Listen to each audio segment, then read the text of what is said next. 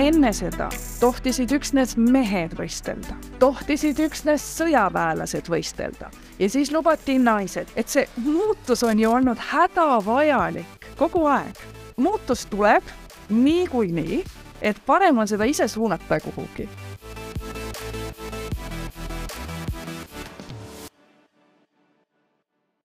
tere tulemast kuulama Hobumaailma podcasti. Mina olen Mari-Helen. ja mina olen Kersti Kivistik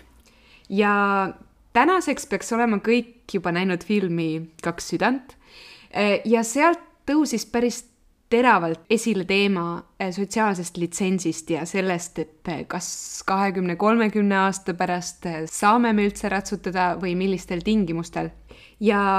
seepärast me kutsusimegi oma podcasti külla Marleen Vassili. Just, äh, Marleen Vassel on äh, eeskätt tuntud äh, kui koolisõitja. ta oli esimene Eesti koolisõitja, kes täitis ära olümpianormi, esimene, kes omal ajal pääses FEI edetabelisse. Ja nüüd on ta siis koolitaja, treener ja platvormi Teadlik ratsunik, üks asutajatest ja Marleeniga läks meil jutt nii pikaks, et me pidime episoodi jagama kaheks, nii et täna kuulete te siis esimest osa Marleeni intervjuust, kus me alustame siis äh, algusest ja, ja räägime ülipõnevatel teemadel, nii et kindlasti kuulake. aga aitab lobisemisest ja alustame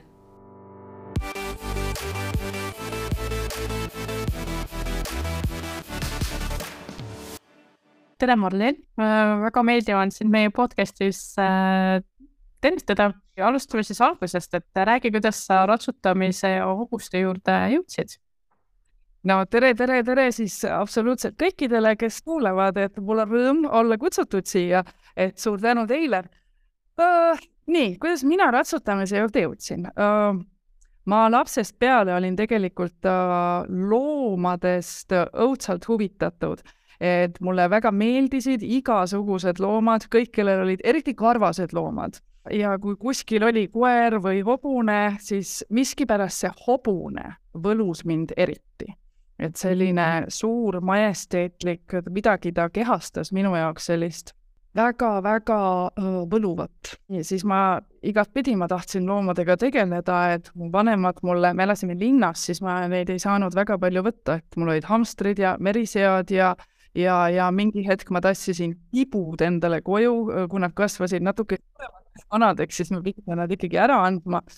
aga hobused mind võlusid ja, ja kui ma neid kuskil nägin, siis äh, ma pidin ju alati näpuga näitama, näe hobune ja kui me autoga sõitsime, pidi kinni ka pidama, et ma saaksin võimalikult lähedale neile minna. aga ega ma ei teadnud, mida nendega nagu või kuidas nendega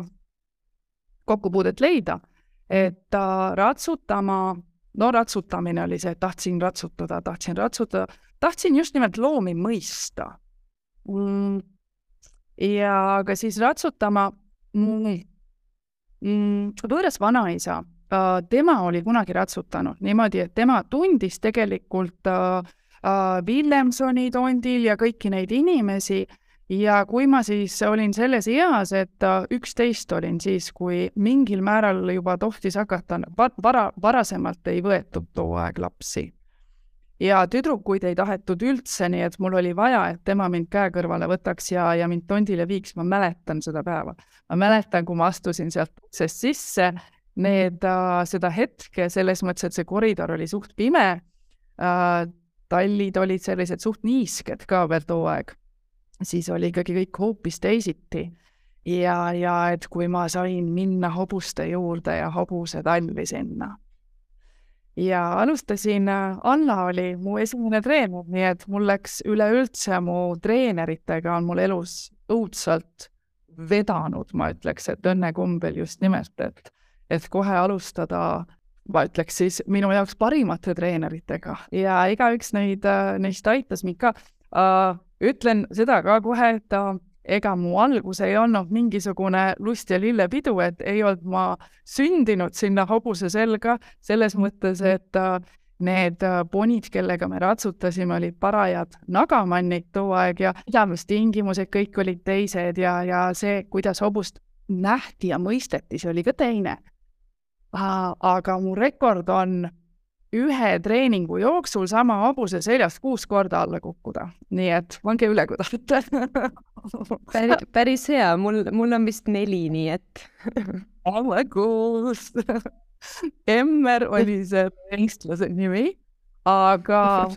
enda kiituseks võin öelda, et ta mõni aeg hiljem kui ma temaga nagu nii-öelda, mina temaga hakkasin rohkem ratsutama, siis ma sain temaga lausa võistelda ja me sõitsime selliseid niitriseid parkuure ja meil läks hiljem äh, väga hästi ta sai mu lemmikuks pärast seda. too, too päev ta kindlasti ei olnud sellest äh, päevast, äh, kus sa kuus korda alla kukkusid kas mäletad ka, mis tundega sa koju läksid, et kas seal oli pigem see, et et nüüd ma jätan selle ratsutamise, kus see ja teine või siis oli see, et äh, nii, ma natukene mõtlen selle üle ja lähen järgmine kord tagasi targemana ja oskuslikumana ja ma tean, mis ma teen. siin ei saanud üldse olla sellist kõhklusmomenti, sellepärast et ega too aeg ei palutud ega, ega et sa sinna ratsutama läheksid. eriti tütarlaps, seda öeldi kohe, et meil ei ole sind siin vaja. et äh, ja oli seal võib-olla muid olukordi, kus öeldi, et ei, et äh, ära, ära üldse tule tagasi, et põhimõtteliselt see oli kohe selge ja siin, et äh, et, et ma lähen tagasi. hirm oli, hirm oli allakukkumise ees, ega ma, mulle ei meeldi kukkuda aga, aga seda, see tahtmine oli nii palju suurem ja mis mõtetega ma koju läksin, koju läksin selle mõtetega, et noh, luutkondid kõik on terved äh,. emale ma parem ei räägi, muidu äkki vanemad ütlevad, et ära ikka mine, sest see tahtmine oli nii suur. et äh, sellist asja üldse ei olnud, et äh, ei antud seda võimalust, et oleks saanud kas või seal treeningus olla niimoodi, et oi, ma täna ei lähe või ma täna ei tee. see oli koheselt sest kui sa nii-öelda ei tõestanud, et, et ma olen väärt siin olema ja teie aega raiskama, siis, äh, siis ei mine ja mängi liivakastis, et, äh, et mu vanemad küll väga soodustasid seda, et ma võiksin ükskõik millega tegeleda. et see oli tõesti minu valik, et äh, nad andsid mulle laia valiku, et proovida teisi spordialasid, muusikaalasid ka, aga mina tahtsin minna Tallinni võib-olla noorematele kuulajatele mm, selgituseks, mis ajad need olid, kui, kui niimoodi eh, käis eh, nii-öelda tüdrukute ratsutamise alustamine? see oli siis äh, Nõukogude Liidu aegadel ikkagi selles mõttes, et äh, siis olid kõik need äh, hobused ja asjad olid ju nende mm, ratsabaaside omad, erahobuseid üldse ei olnudki minu teada, et kõik see oli koondunudki, et kõik oli ju riiklik. ma ei pidanud maksma oma treeningute eest, sest see oli ka riiklikult nagu ikkagi tasustatud äh, treeneritele ja niimoodi, et, äh, et need ajad olid selle võrra nagu hoopis teised. et siis mingi hetk hiljem hakkasid, hakati Tondil seal tasulisi gruppe ka tegema et, et siis võib-olla neid kliente natukene siis nagu noh, suhtuti leebemalt, aga suhtuti selle võrra, et noh, täpselt, et ega meid nende edu või selline ka ei huvita, et, et see ei olnud nagu siis võistlusspordile suunatud või, või edasiarenemisele võib-olla nii palju. et meilt oodati ja eeldati seda, et äh, nii, nüüd sa teed seda ja, ja nüüd äh, kuue kuu pärast, nüüd sa lähed põhimõtteliselt äh,, näitad, kas sa suudad parkuuri sõita ja, ja, ja mm. nüüd sa lähed, sõidad ja nüüd sa võistled ja me käisime veel võistlemas, oi, me käisime võistlemas, me käisime lausa äh, ikkagi Peterburis ja Minskis ja, ja, ja et äh, noh, seal oli päris põnev, et mina olin selline suht algaja, kui ma veel käisin, aga mul kuidagi õnnestus ennast äh, haakida sinna sportgrupi sappa, et, et äh, vaatasin kõikidele alt üles ja igalt ühelt olen kogu aeg üritanud õppida midagi. aga tegelikult oli, oli olid tohutult vahvad kogemused. mis ajal äh, sa said aru, et just koolisõit on see, äh, mida sa teha tahad, et kas sa alguses tegid teisi spordialasid, kuidas, kuidas see teekond sinu jaoks koolisõiduni jõudis? no ikkagi eeldati, et me suudaksime mõlemat teha mingil tasemel, et nii hüpata kui ka skeeme sõita. et need, mis olid noorte skeemid too aeg, need olid päris keerulised või olid need juunioride skeemid, aga need olid keerulisemad kui väike auhind. Et see, et meil olid üldse mingisugused vanad sellised poolpensionär hobused, kellega me neid äh, skeeme saime harjutada ja sõita ja neid äh, piruette ja seeriajala-vahetusi ja, ja mida iganes äh,, siis see oli suur asi. Ühtepidi, et just nimelt, et sa oled need figuurid nagu läbi teinud kunagi ja teine asi, et äh, hüpata ka, et selliseid saja kahekümneseid parkuure need hobused ikkagi läksid ja mulle endale meeldis rohkem hüpata. kuidagi see koolisõit tundus selline noh, ma ei tea, ei ole ikka päris see, mis seal nagu ja, ja koolisõitjate punt oli ka selline natukene nagu äh, Nad ei olnud nii avatud, ütleme siis et seal käiski selle järgi, et kuhu, kuhu gruppi sa rohkem nagu kuuluda tahad mm. -hmm. hobustega tegelesime kõik äh, kolmevõistlusesse ma päris ei jõudnud ja ma ei tea, kas ma oleks ikka piisavalt julge selle jaoks ma kahtlen, et kui võib-olla õudselt vara oleks teisiti läinud, et oleks hulljulgusega peale läinud, et siis küll, et hiljem, kui juba, miks ma koolisõiduni jõudsin, oli see, et siis, kui siis, kui Nõukogude Liit lagunes ja Eesti aeg algas, siis mingi hetk ka jagati ju inimestele hobuseid tagasi ütleme siis, mis nende vanematelt või vanavanematelt oli kunagi ära riigistatud, siis mi-, midagi anti asemele. ja ma sattusin tondile siis niimoodi, et äh, sinna oligi kellegi omaniku, hobusel oli omanik ja ta oli selle tondile toonud, aga ega ta suurhobustega ei olnud ju varem kokku puutunud, tõenäoliselt ta vanavanematelt oli, oli konfiskeeritud ja, ja, ja selle otsa ta sattus erastamisreformi käigus ja ei osanud ta ka sellega hobusega midagi peale hakata, see oli üks torimära nimega Hella. ja mina vist sattusin talli mingi päev, kui jah, et, et öeldi, et näed, et ta ei ole juba mitu päeva boksist välja saanud, et keegi ei noh, et, et äh, ei tegele, et omanik ei, noh, see on ju kulu, et maksma sa ju pead, kui sa ise ja hobuse ülalpidamise eest pead maksma, et siis toimuski kogu see äh, paradigma ja maailma nägemise muutus, et enne olid hobused niisama kasutada ja ühtäkki on hobune suur vastutus ja kulu ja, ja peavalu. Ja mina küsisin Sirje käest vist, et kas ma tohiksin temaga tegeleda, et äh, hakata teda lihtsalt boksist välja võtma ja sõitma natukene äh,. ta oli ennem ikkagi saduldatud juba olnud ja kõike, et aga et vähemalt, et, et ei ole sellest kellelegi kahju midagi, kui ma selle hobusega tegelen, aga et hobune saab vähemalt boksist välja liigutatud. et Tallinna naised olid muidu natukene hädas, et ta vist hakkas seal boksis ka juba halvasti käituma. Ja vot selle märaga ma, see oli esimene siis nii-öelda noor hobune, kelle ma ise välja kuulitasin. Ja temaga ma tahtsin ka ikka alguses hirmsasti hüpata ja me hüppasimegi ja ta oli hästi-hästi tubli, aga ta oli selline, kes, ähm, see ei, ta ei olnud üldse suur mära, äh, noh, päritolu poolest ka, et tal ei olnud mingit võimast fuleed ega, ega hüpet, aga ta tahtis olla tohutult puhas, ta ei tahtnud mitte ühtegi latti, mida mitte kunagi puudutada. niimoodi, et latte alla ta ei, ei, ei toonud, ma võistlesin temaga kahevõistlust öö, äh, edukalt ja vist oli ta, ma ei mäleta, kas ta oli viieaastane, kui ma olin seal kohapeal noorhobuste tšempionaadil taga nii koolisõidus kui takistussõidus mõlemal alal. aga siis, kui nüüd need parkuurid hakkasid minema sealt sada kakskümmend, siis kõik need uh, süsteemi vahed jäid talle laiaks ja ta pidi hirmus pingutama ja see läks talle raskeks ja siis ta ei tahtnud lubata. siis see ei olnud talle tore ja siis see ei olnud mulle tore ja siis me natukene, aga midagi selles mõttes, et tahtsime tahtsin temaga edasi tegeleda ja ratsutada ja, ja siis vaatasin, et aga näed, teeb väikse auhinna asju et äh, ja, ja nii jäigi ja mulle hakkaski siis nagu selline,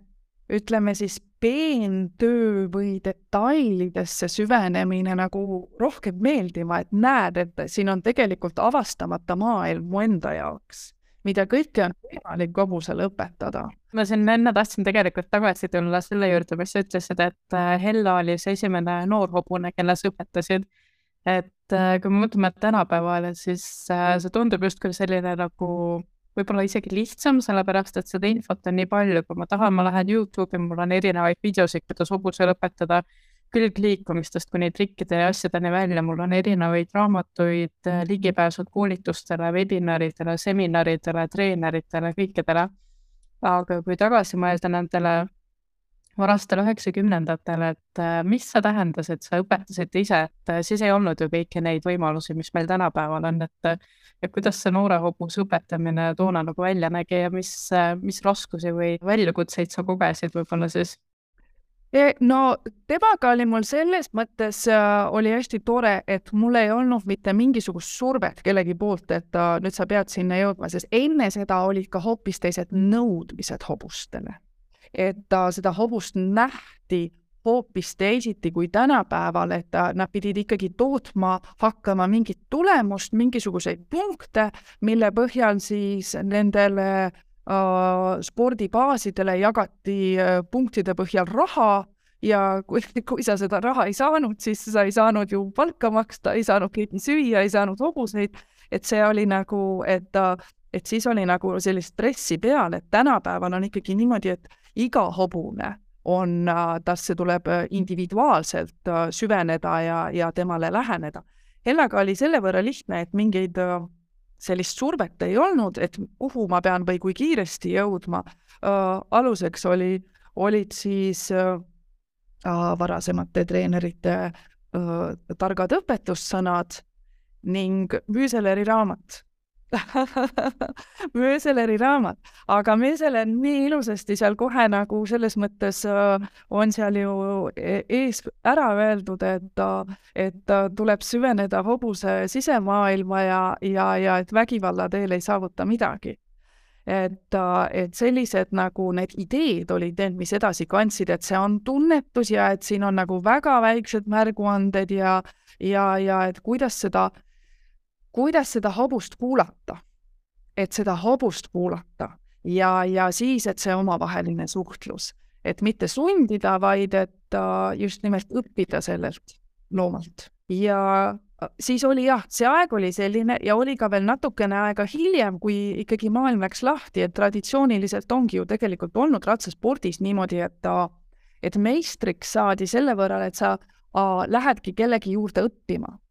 ja, ja väga paljud asjad olid äh, suletud uste taga, et äh, ega me ei õpeta teistele, kuidas Piafeed õpetatakse või midagi, et äh, venelased olid näiteks, vene kool oli selline avatum, et nemad nagu näitasid ka, aga et sa pididki minema ja sa pidid oma selle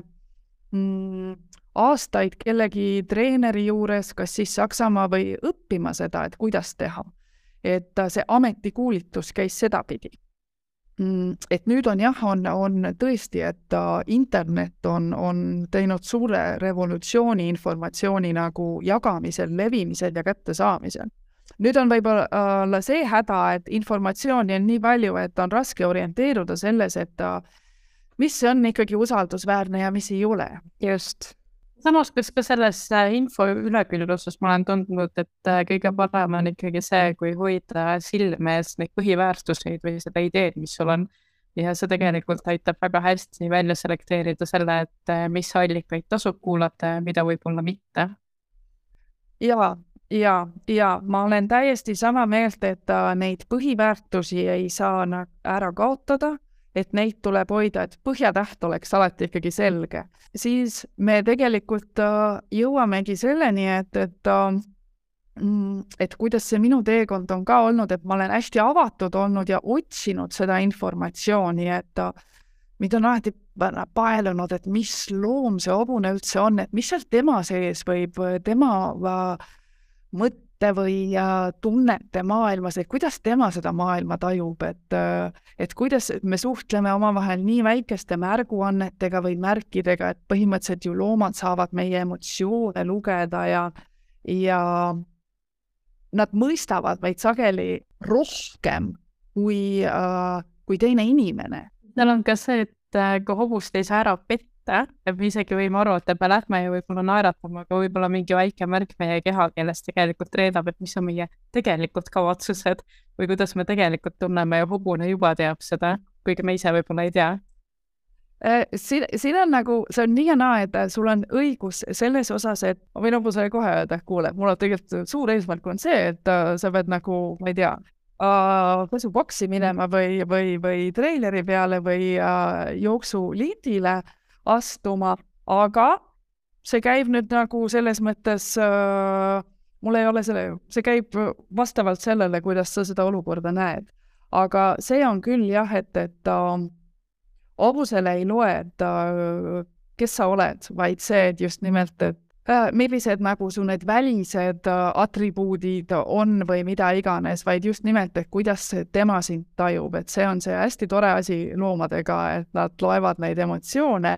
ja et õppida just nimelt enda emotsioone äh, ma ei ütleks kontrollima, seepärast et emotsioonid ei ole kontrollimiseks, aga haldama või siis äh, just, et, et ma suudan siis äh, hallata neid ja suunata ja muuta vastavalt vajadusele. et äh, sellised asjad.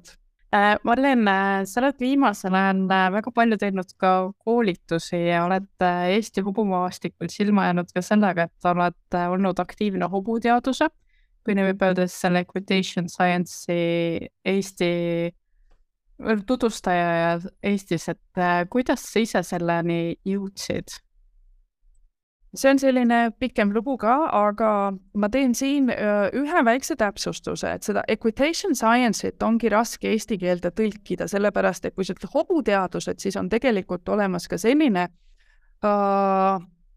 mõiste nagu equine sciences. et need on siis teadused uh,, kõik, mis hõlmavad siis hobust, aga see equitation science on natukene spetsiifilisem selles osas, et, et see on, equitation ongi nagu ratsakunst ühtepidi. et need on siis asjad, mis võivad puudutada just nimelt nagu ratsutamist, aga nad kõik on omavahel ju läbi põimunud. ja et, et ega siis äh, biomehaanikad, psühholoogiad, asjad, et need ju kõik kuuluvad ka sinna alla ja palju on ka kattuvat. Aga et sinna just see, et, et kuidas see hobune õpib ja, äh, ja äh, et see on siis see, mida see equitation science ja kuidas hobune maailma tajub, hõlmab kõige rohkem aga kuidas ma sinna jõudsin? Äh, no ma olen kogu aeg vaadanud äh, algusest peale on uudishimu on olnud see edasiviiv jõud ja ma olen äh, üritanud õppida absoluutselt igalt poolt, kust äh, igalt poolt ongi võimalik õppida. aga algusest peale, et äh, ütleme siis, et äh, kui mina alustasin Eesti NSV-s olin sündinud ja niimoodi, et siis meil oli see nii-öelda vene kool ja siis, kui natukenegi läksid uksed valla, et siis seal lääne pool ratsutati natukene teisiti ja oli saksa kool ja siis seal oli, et noh, mida hobuselt oodati ja milliseid märguandeid kasutati või oli seal siis, kas räägiti, et sisemine ratse, välimine ratse on ju Prantsuse kool, mis oli rohkem nagu ütleme, selle hobused veel kõrgema kuklaasendiga, rohkem nagu natukene võib-olla selle vene koolile sarnane, et sisemise käe tõstmine kuulub see seal üheks nagu selliseks märguandeks. Ja, ja oma peas ma olen kogu aeg üritanud äh, seda nuputada, et kuidas seda kõike ühte suurde pilti kokku panna, et see kõik äh, oleks loogiline, sest kui üks asi toimib ühes kohas ja teine asi jälle teises kohas, et ei ole ju niimoodi, et üks on õige ja ainuõige ja teine on vale. ja ma ei räägi siin ainult nagu paarist erinevast äh, koolkonnast, vaid, vaid kogu äh, hobuse äh, käsitlusest ja aladest, et äh, nägime ju seda ka sageli, et kui hobune, mis üheks, ühele ratsanikule ei sobinud, et teise ratsanikuga võis olla suurepärane koostöö ja mõnel hobusel, kes äh, vahetas nii-öelda spordiala, võis olla suurepärane karjäär teise ala peal. ja noh, praegu ma olen näinud ka seda, kuidas mingisugune, mõni harrastushobune, tähendab üks konkreetne näide, kes siis kuulutati probleemhobuseks ja et, et ohtlikuks ta tegutseb praegu Roomas eduka politseihobusena ja tal ei ole mingeid käitumisprobleeme. et äh, kui palju inimene suudab mõjutada. ise ma sattusin ka mm, õnneks äh, just nimelt äh, nägema Tallinnas juba, et hipodroomil, kuidas traaviinimesed hobuseid kohtlesid, käsitlesid ja, ja vaadata, et kuidas on nii, et mitte ükski traavel ei satu äh, kinnisidumispaanikasse Neid ei ole võimalik muidu ju valmis panna, sinna käru ette rakendada, kui nad ei seisa koridoris äh, kinni seotud paigal. ja kuidas nad siis lintalonta jalutavad käe kõrval, võib-olla natukene tipivad seal oma traavikest, käivad koplis äh,, seotakse neid, viiakse pesuboksi pestakse näod, pead, et kui nii-öelda alandlikult ühtepidi võis seda too aeg tõlgendada, aga kui äh, lihtsad nad olid ja kuidas need ratsahobused olid mõnevõrra keerulisemad ja ei saa ju öelda seda, et traavel võidusõiduhobune oleks ütleme, külm või, või et see, et teine on kuumavereline hobune. ega ikka, et ei, ei saa see olla ettekäändeks, et kui hobune ei ole õpetatud lihtsalt nendelt hobustelt neid asju, mida küsitakse, need on lihtsad ja loogilised, seisa paigal, astu tagasi, mine edasi, mine kiiremini, pööra paremale, pööra vasakule ja, ja, ja äh, ongi kiirusta, aeglusta nagu, et äh, keegi ei pane neid äh,, et vot nüüd äh, siiapoole viltu või sinnapoole või selle kujuga, et ta, mida paremini või kiiremini ta jookseb, siis ta jah, toetati neid oma kujuga ka, et ei minda, et need ratsme ja edasiajavad ja tagasivõtvad märguanded, nendel hobustel ju tegelikult ei lähe sassi. ja neid ei, ei, ei, ei, jah, nad võivad, keegi võib olla nagu kuskilt äh, vedama, aga see on väga mustvalge, millised on need märguanded hobustele. ja, ja siis ka see üks asi, et igalt hobusealalt, et ma just vaatasin, et hobune on ju hobune, et aretatud võib-olla jah, natuke teistmoodi. ja siis ma olen kogu aeg nagu olnudki, et, et äh, käisin ma ise ka Soomes vaatamas, mis seal need äh, mm, paremad treenerid, kui nad seal oma neid äh, tunde andsid, et mida nad teevad, kuidas nad õpivad, kuidas hoopis teisiti, et näiteks peale seda Vene aega oli suur üllatus oli mulle, et hobuseid sõidetaksegi ette alla, kuklad madalaks et soojendus käib niimoodi, et ei minda kohe näitama uhkelt äh, kõige paremat, vaid et kõigepealt soojendatakse üldse seda hobust madala kaelaga, et see galopp ei pea olema kohe põmbadi-põmma selline uhke ja kõik, vaid et see hobune saaks ennast lõdvestada, äh, soojaks kõik lihased. Äh, et sellised asjad olid mulle uued. Need, mis tänapäeval inimestele tõenäoliselt on iseenesestmõistetavad, et äh, need kõik asjad, et äh, aga see nagu avaski silmi, et hei, et äh, nii palju on põnevat maailmas ja isegi kui endal võistlushobustega kõik läks hästi, et mind kogu aeg ikkagi uudishimu nagu, nagu ajas tagant, et mis loom see, miks mu hobune, miks minu hobune nii käitub, miks ta naa käitub, miks, miks seda ja kes see saab neid vastuseid anda, et ma puutusin siis Eestis kokku, et toredad inimesed kutsusid sellist uh, hobuste etoloogia ühte maailma parimat asjatundjat nagu Lucy Reese'i ja, ja et ma olen olnud avatud sellele just, mida nagu teistest valdkondadest ka räägitakse ja just see etoloogia on väga põnev olnud ja see oligi, et ahaa, mis loom see hobune üldse on ja kuidas see, kuidas see hobune võib seda maailma tajuda. et tal on ju ka oma sisemaailm, et jah, tõesti, nii nagu me praegu teame ja et me ei peaks sinna panema, et liiga palju sellist äh,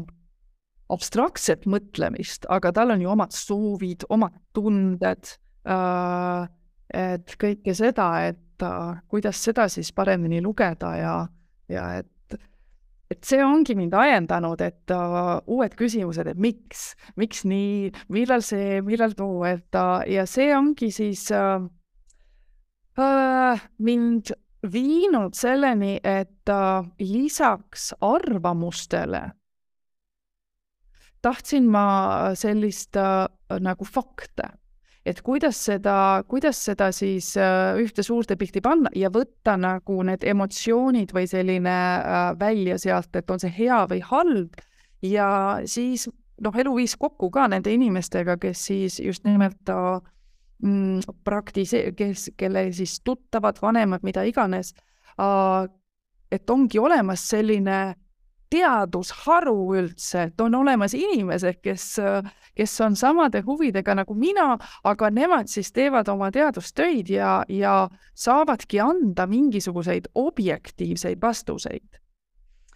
ja nii ma sinna sattusin ja nägin seda, et kui mulle midagi lahti seletati, et ohoo, asi ongi palju lihtsam ja, ja hakkad nägema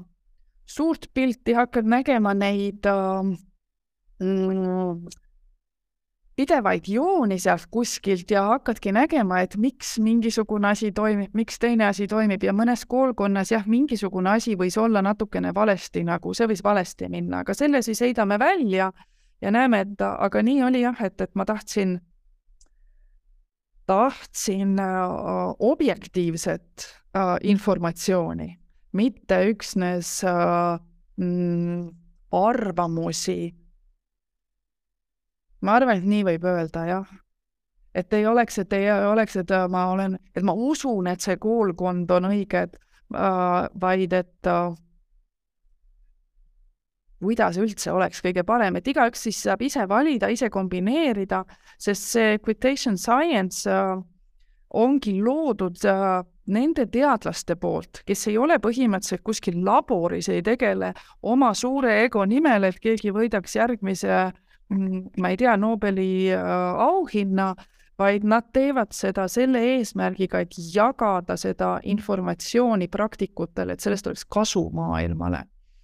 ja see annab äh, hästi palju vastuseid, et miks ja, ja et miks mu hobune niimoodi käitub, et äh, ja see, miks midagi toimib, mingisugune meetod, miks, millal see toimib ja millal mitte. Mm, see annab mulle süsteemi ja kaardi.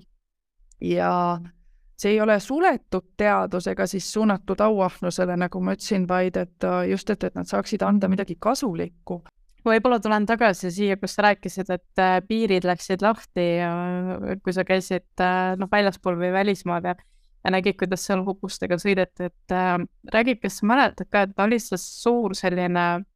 üllatus või mis emotsioonid sind valdasid või kuidas see oli, kui sa said teada, et võib-olla see, kuidas sa oled ratsutanud, et sa selleks hetkeks olid ikkagi juba ju äh, jõudnud tiitliteni ja olnud e-, spordis edukas, et, et sa pidid nagu ümber õppima või see ongi tegelikult olnud kogu aeg see, kuna sa oled nii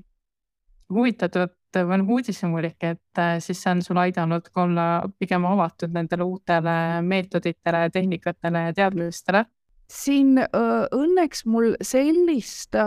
momenti ei tekkinud, et mõtleks, et oi, et kõik on nagu päris halvasti, sellepärast et siin oli selline paradoks, et ma nägin seda, et mujal maailmas nad nii-öelda madalamal tasemel teevad palju süsteemsemalt tööd et äh, oli just hästi põnev, et mida see võiks veel mulle anda, et kui ma juba nagu keldrist juba tuleb nagu niisuguseid häid asju äh, juba on olemas, et, et kui nüüd siin äh, veel tuleb valgust juurde, et, et mis siis kõik võiks avada. aga ma räägin teile ühe naljaka loo äh,, kuidas nagu, kui äh, erinev on ja see ei puuduta nüüd hobust, aga otseselt, aga kui ma läksin Saksamaale siis ma juba sõitsin äh, suurt auhinda ja ma läksingi enne, enne ühtesid Poola võistluseid läksin äh, mitmeks nädalaks, läksin Saksamaale treeninglaagrisse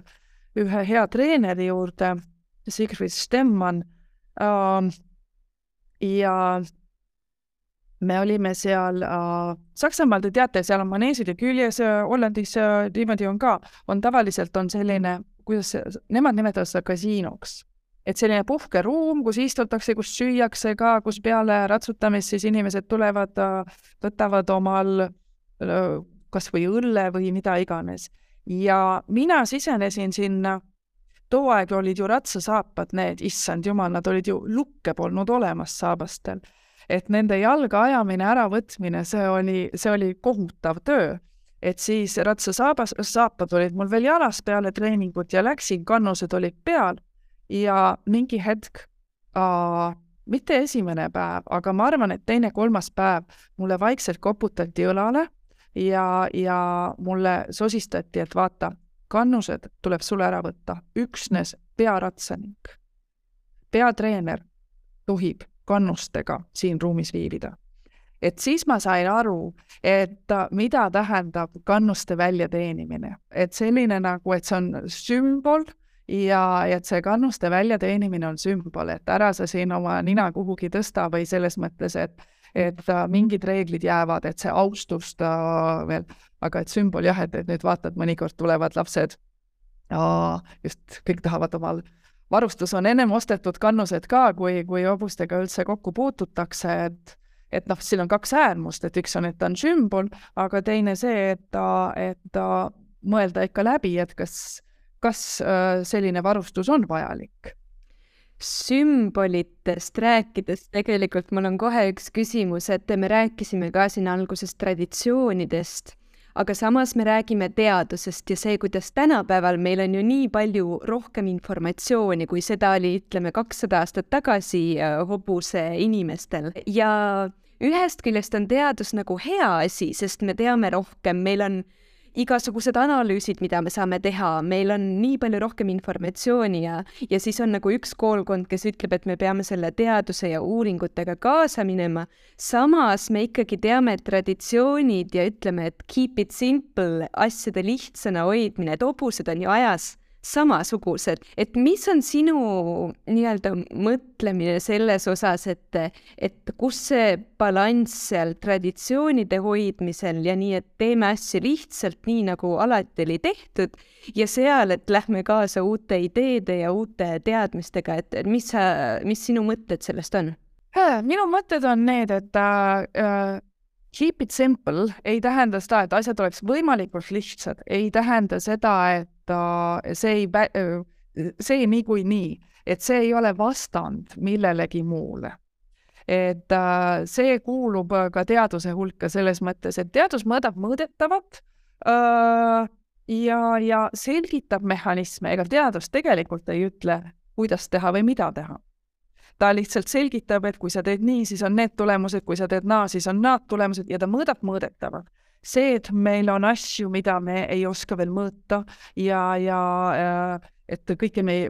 kindlasti ei saagi praegu mõõta ja, ja nii edasi, et need on olemas, seda teadus ei eita. et teadus on lihtsalt üks selline mm, asi, mis on tekkinud üleüldse suur, laiemas mõistes sellest, et äh, inimesed ongi olnud uudishimulikud, et nad on küsinud, küsitlenud, küsitlenud, küsitlenud. Et teadusest ei tohi tulla nagu uut religiooni, vaid ta peab jääma edasi küsitlema asju. Äh, et mitte nii, et nii on ja nii on ainuõige, vaid et sa esitad uue küsimuse ja uue küsimuse nii et ma ei oska seda teadust äh, aknast kuhugi välja visata, et minu jaoks kõik need äh, küsimustele vastuse otsimised, et see käibki teaduse valdkonda. nüüd äh, traditsioonide kohta äh,. Traditsioonide kohta seda, et äh, traditsioonid on ju noh, täiesti toredad, need on ju need, mis teevad meid ühtepidi ja, ja annavad meile juured, aga nüüd seda, et kas äh, midagi peaks muutumatuna püsima,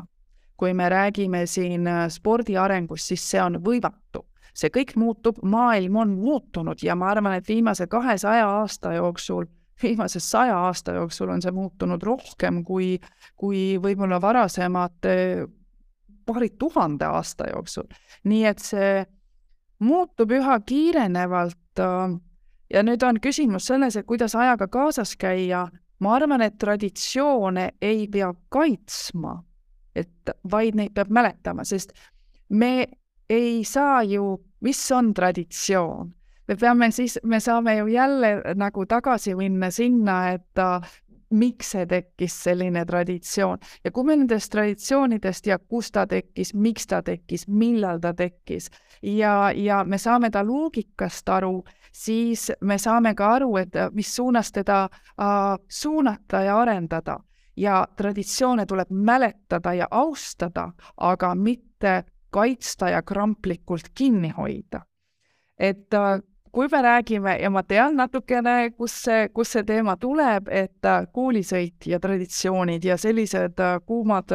teemad siin nagu, et kas lubada Trensel valjastus suurde auhinda, siis ma toon teile sellise näite, et mm, sellest nüüd on juba mõned aastad möödas kui koolisõidus tehti kohustuslik kaskaga sõitmine. et varem oli silinder ja, ja et nüüd äkki kaska ja et see on kohustuslik. ja ütlen ausalt, et kui ma seda lugesin esimene kord, et nüüd on kohustuslik, siis mul oli, korraks oli ka, ma tundsin, kuidas, et mis mõttes ja, ja noh, siis ma hingasin välja kõik ja, ja, ja jõudsin ja no okei okay,, et äh, igalühel meil on oma arvamus, meil on õigus oma arvamusele ja see ei tähenda, et kellegi teise arvamus on vale.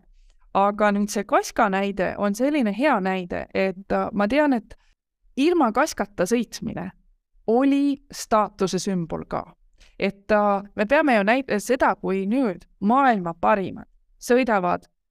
ka oma maailma turvalisematel hobustel ja, ja parimatel sõidavad kaskaga, siis nad annavad sellega hea sõnumi edasi nendele, kes äh, äh, vaatavad neid iidolitena ja imetlevad ja nad on head eeskujud. nii et minu meelest on sellest ainult head välja tulnud, aga ma ütlen ausalt, et mina esimese hooga ehmatasin ka ära, sest mul oli silmale oli algul, algul oli üldse võõras vaadata, kui oli, kui oli frakk ja ja, ja kaska ja siis oli mul, aga tegelikult inimese silm on ju selline, et äh, mul oli ka võõras vaadata algul, kui kolmevõistlejad sõitsid oma, oma skeemi osa, et oli frakk, silinder ja trensel valjastus ja siis veel sellised natuke täisverelise tüüpi äh, kiirustavad ja, ja, ja äh, üldse mitte suure auhinnani koondatud hagused. et oli ka võõras vaadata, et algul, algul tundub võõras ja muutus noh, on see hirm uue ees, aga kui aru saada, et vaata, et siin võib olla head ka midagi selles sees ja küsiks just, et miks mitte. ent selle treenselvaljastuse osas, et siin ka, et samamoodi, et äh, ma tean, et ühed ütlevad ja võib-olla needsamad, kes äh, tegelikult ju praegu ka nagu äh, veel, ikka veel küsitakse, et äh, et ikka tahaks seda äh, silindrit tagasi minu meelest seda silindrit võiks mäletada ja tal võiks olla mingisugune sümbool, ma ei tea, kas siis teha nagu, nagu just, et on muuseumid, et on näitused, et vahepeal ju nagu esitada, et niimoodi oli. mul on tunne, et igaüks arvab, et traditsioon on see äh, või traditsiooniline, kui me räägime koolisõidust, on see, mis see oli tema jaoks, kui tema seda asja esimest korda nägi aga kui me nüüd mõtleme tagasi, siis enne seda tohtisid üksnes mehed võistelda, ka koolisõidus tohtisid üksnes sõjaväelased võistelda ja siis lubati naised ja tehti see äh, muudele lahti, et see muutus on ju olnud hädavajalik kogu aeg. et äh, muutus tuleb niikuinii, et parem on seda ise suunata kuhugi et see on minu seisukoht. Mul tulgetas pähe, et äh, on ju Hispaania ratsukool Viinis ja seal aastasadu ei võetud ju naisi vastu. ja see oli alles aastal kaks tuhat kaheksa, kui siis sinna kooli võeti vastu esimesed äh, kaks naisõpilast. ja ma mäletan, et see tekitas ka natukene omajagu niisugust furoori, noh muidugi rohkem oli seda, et, et noh, tõesti, et naised on olnud seni keelatud või noh, neid ei, neid ei ole vastu võetud. aga olid ka inimesed, kes leidsid, et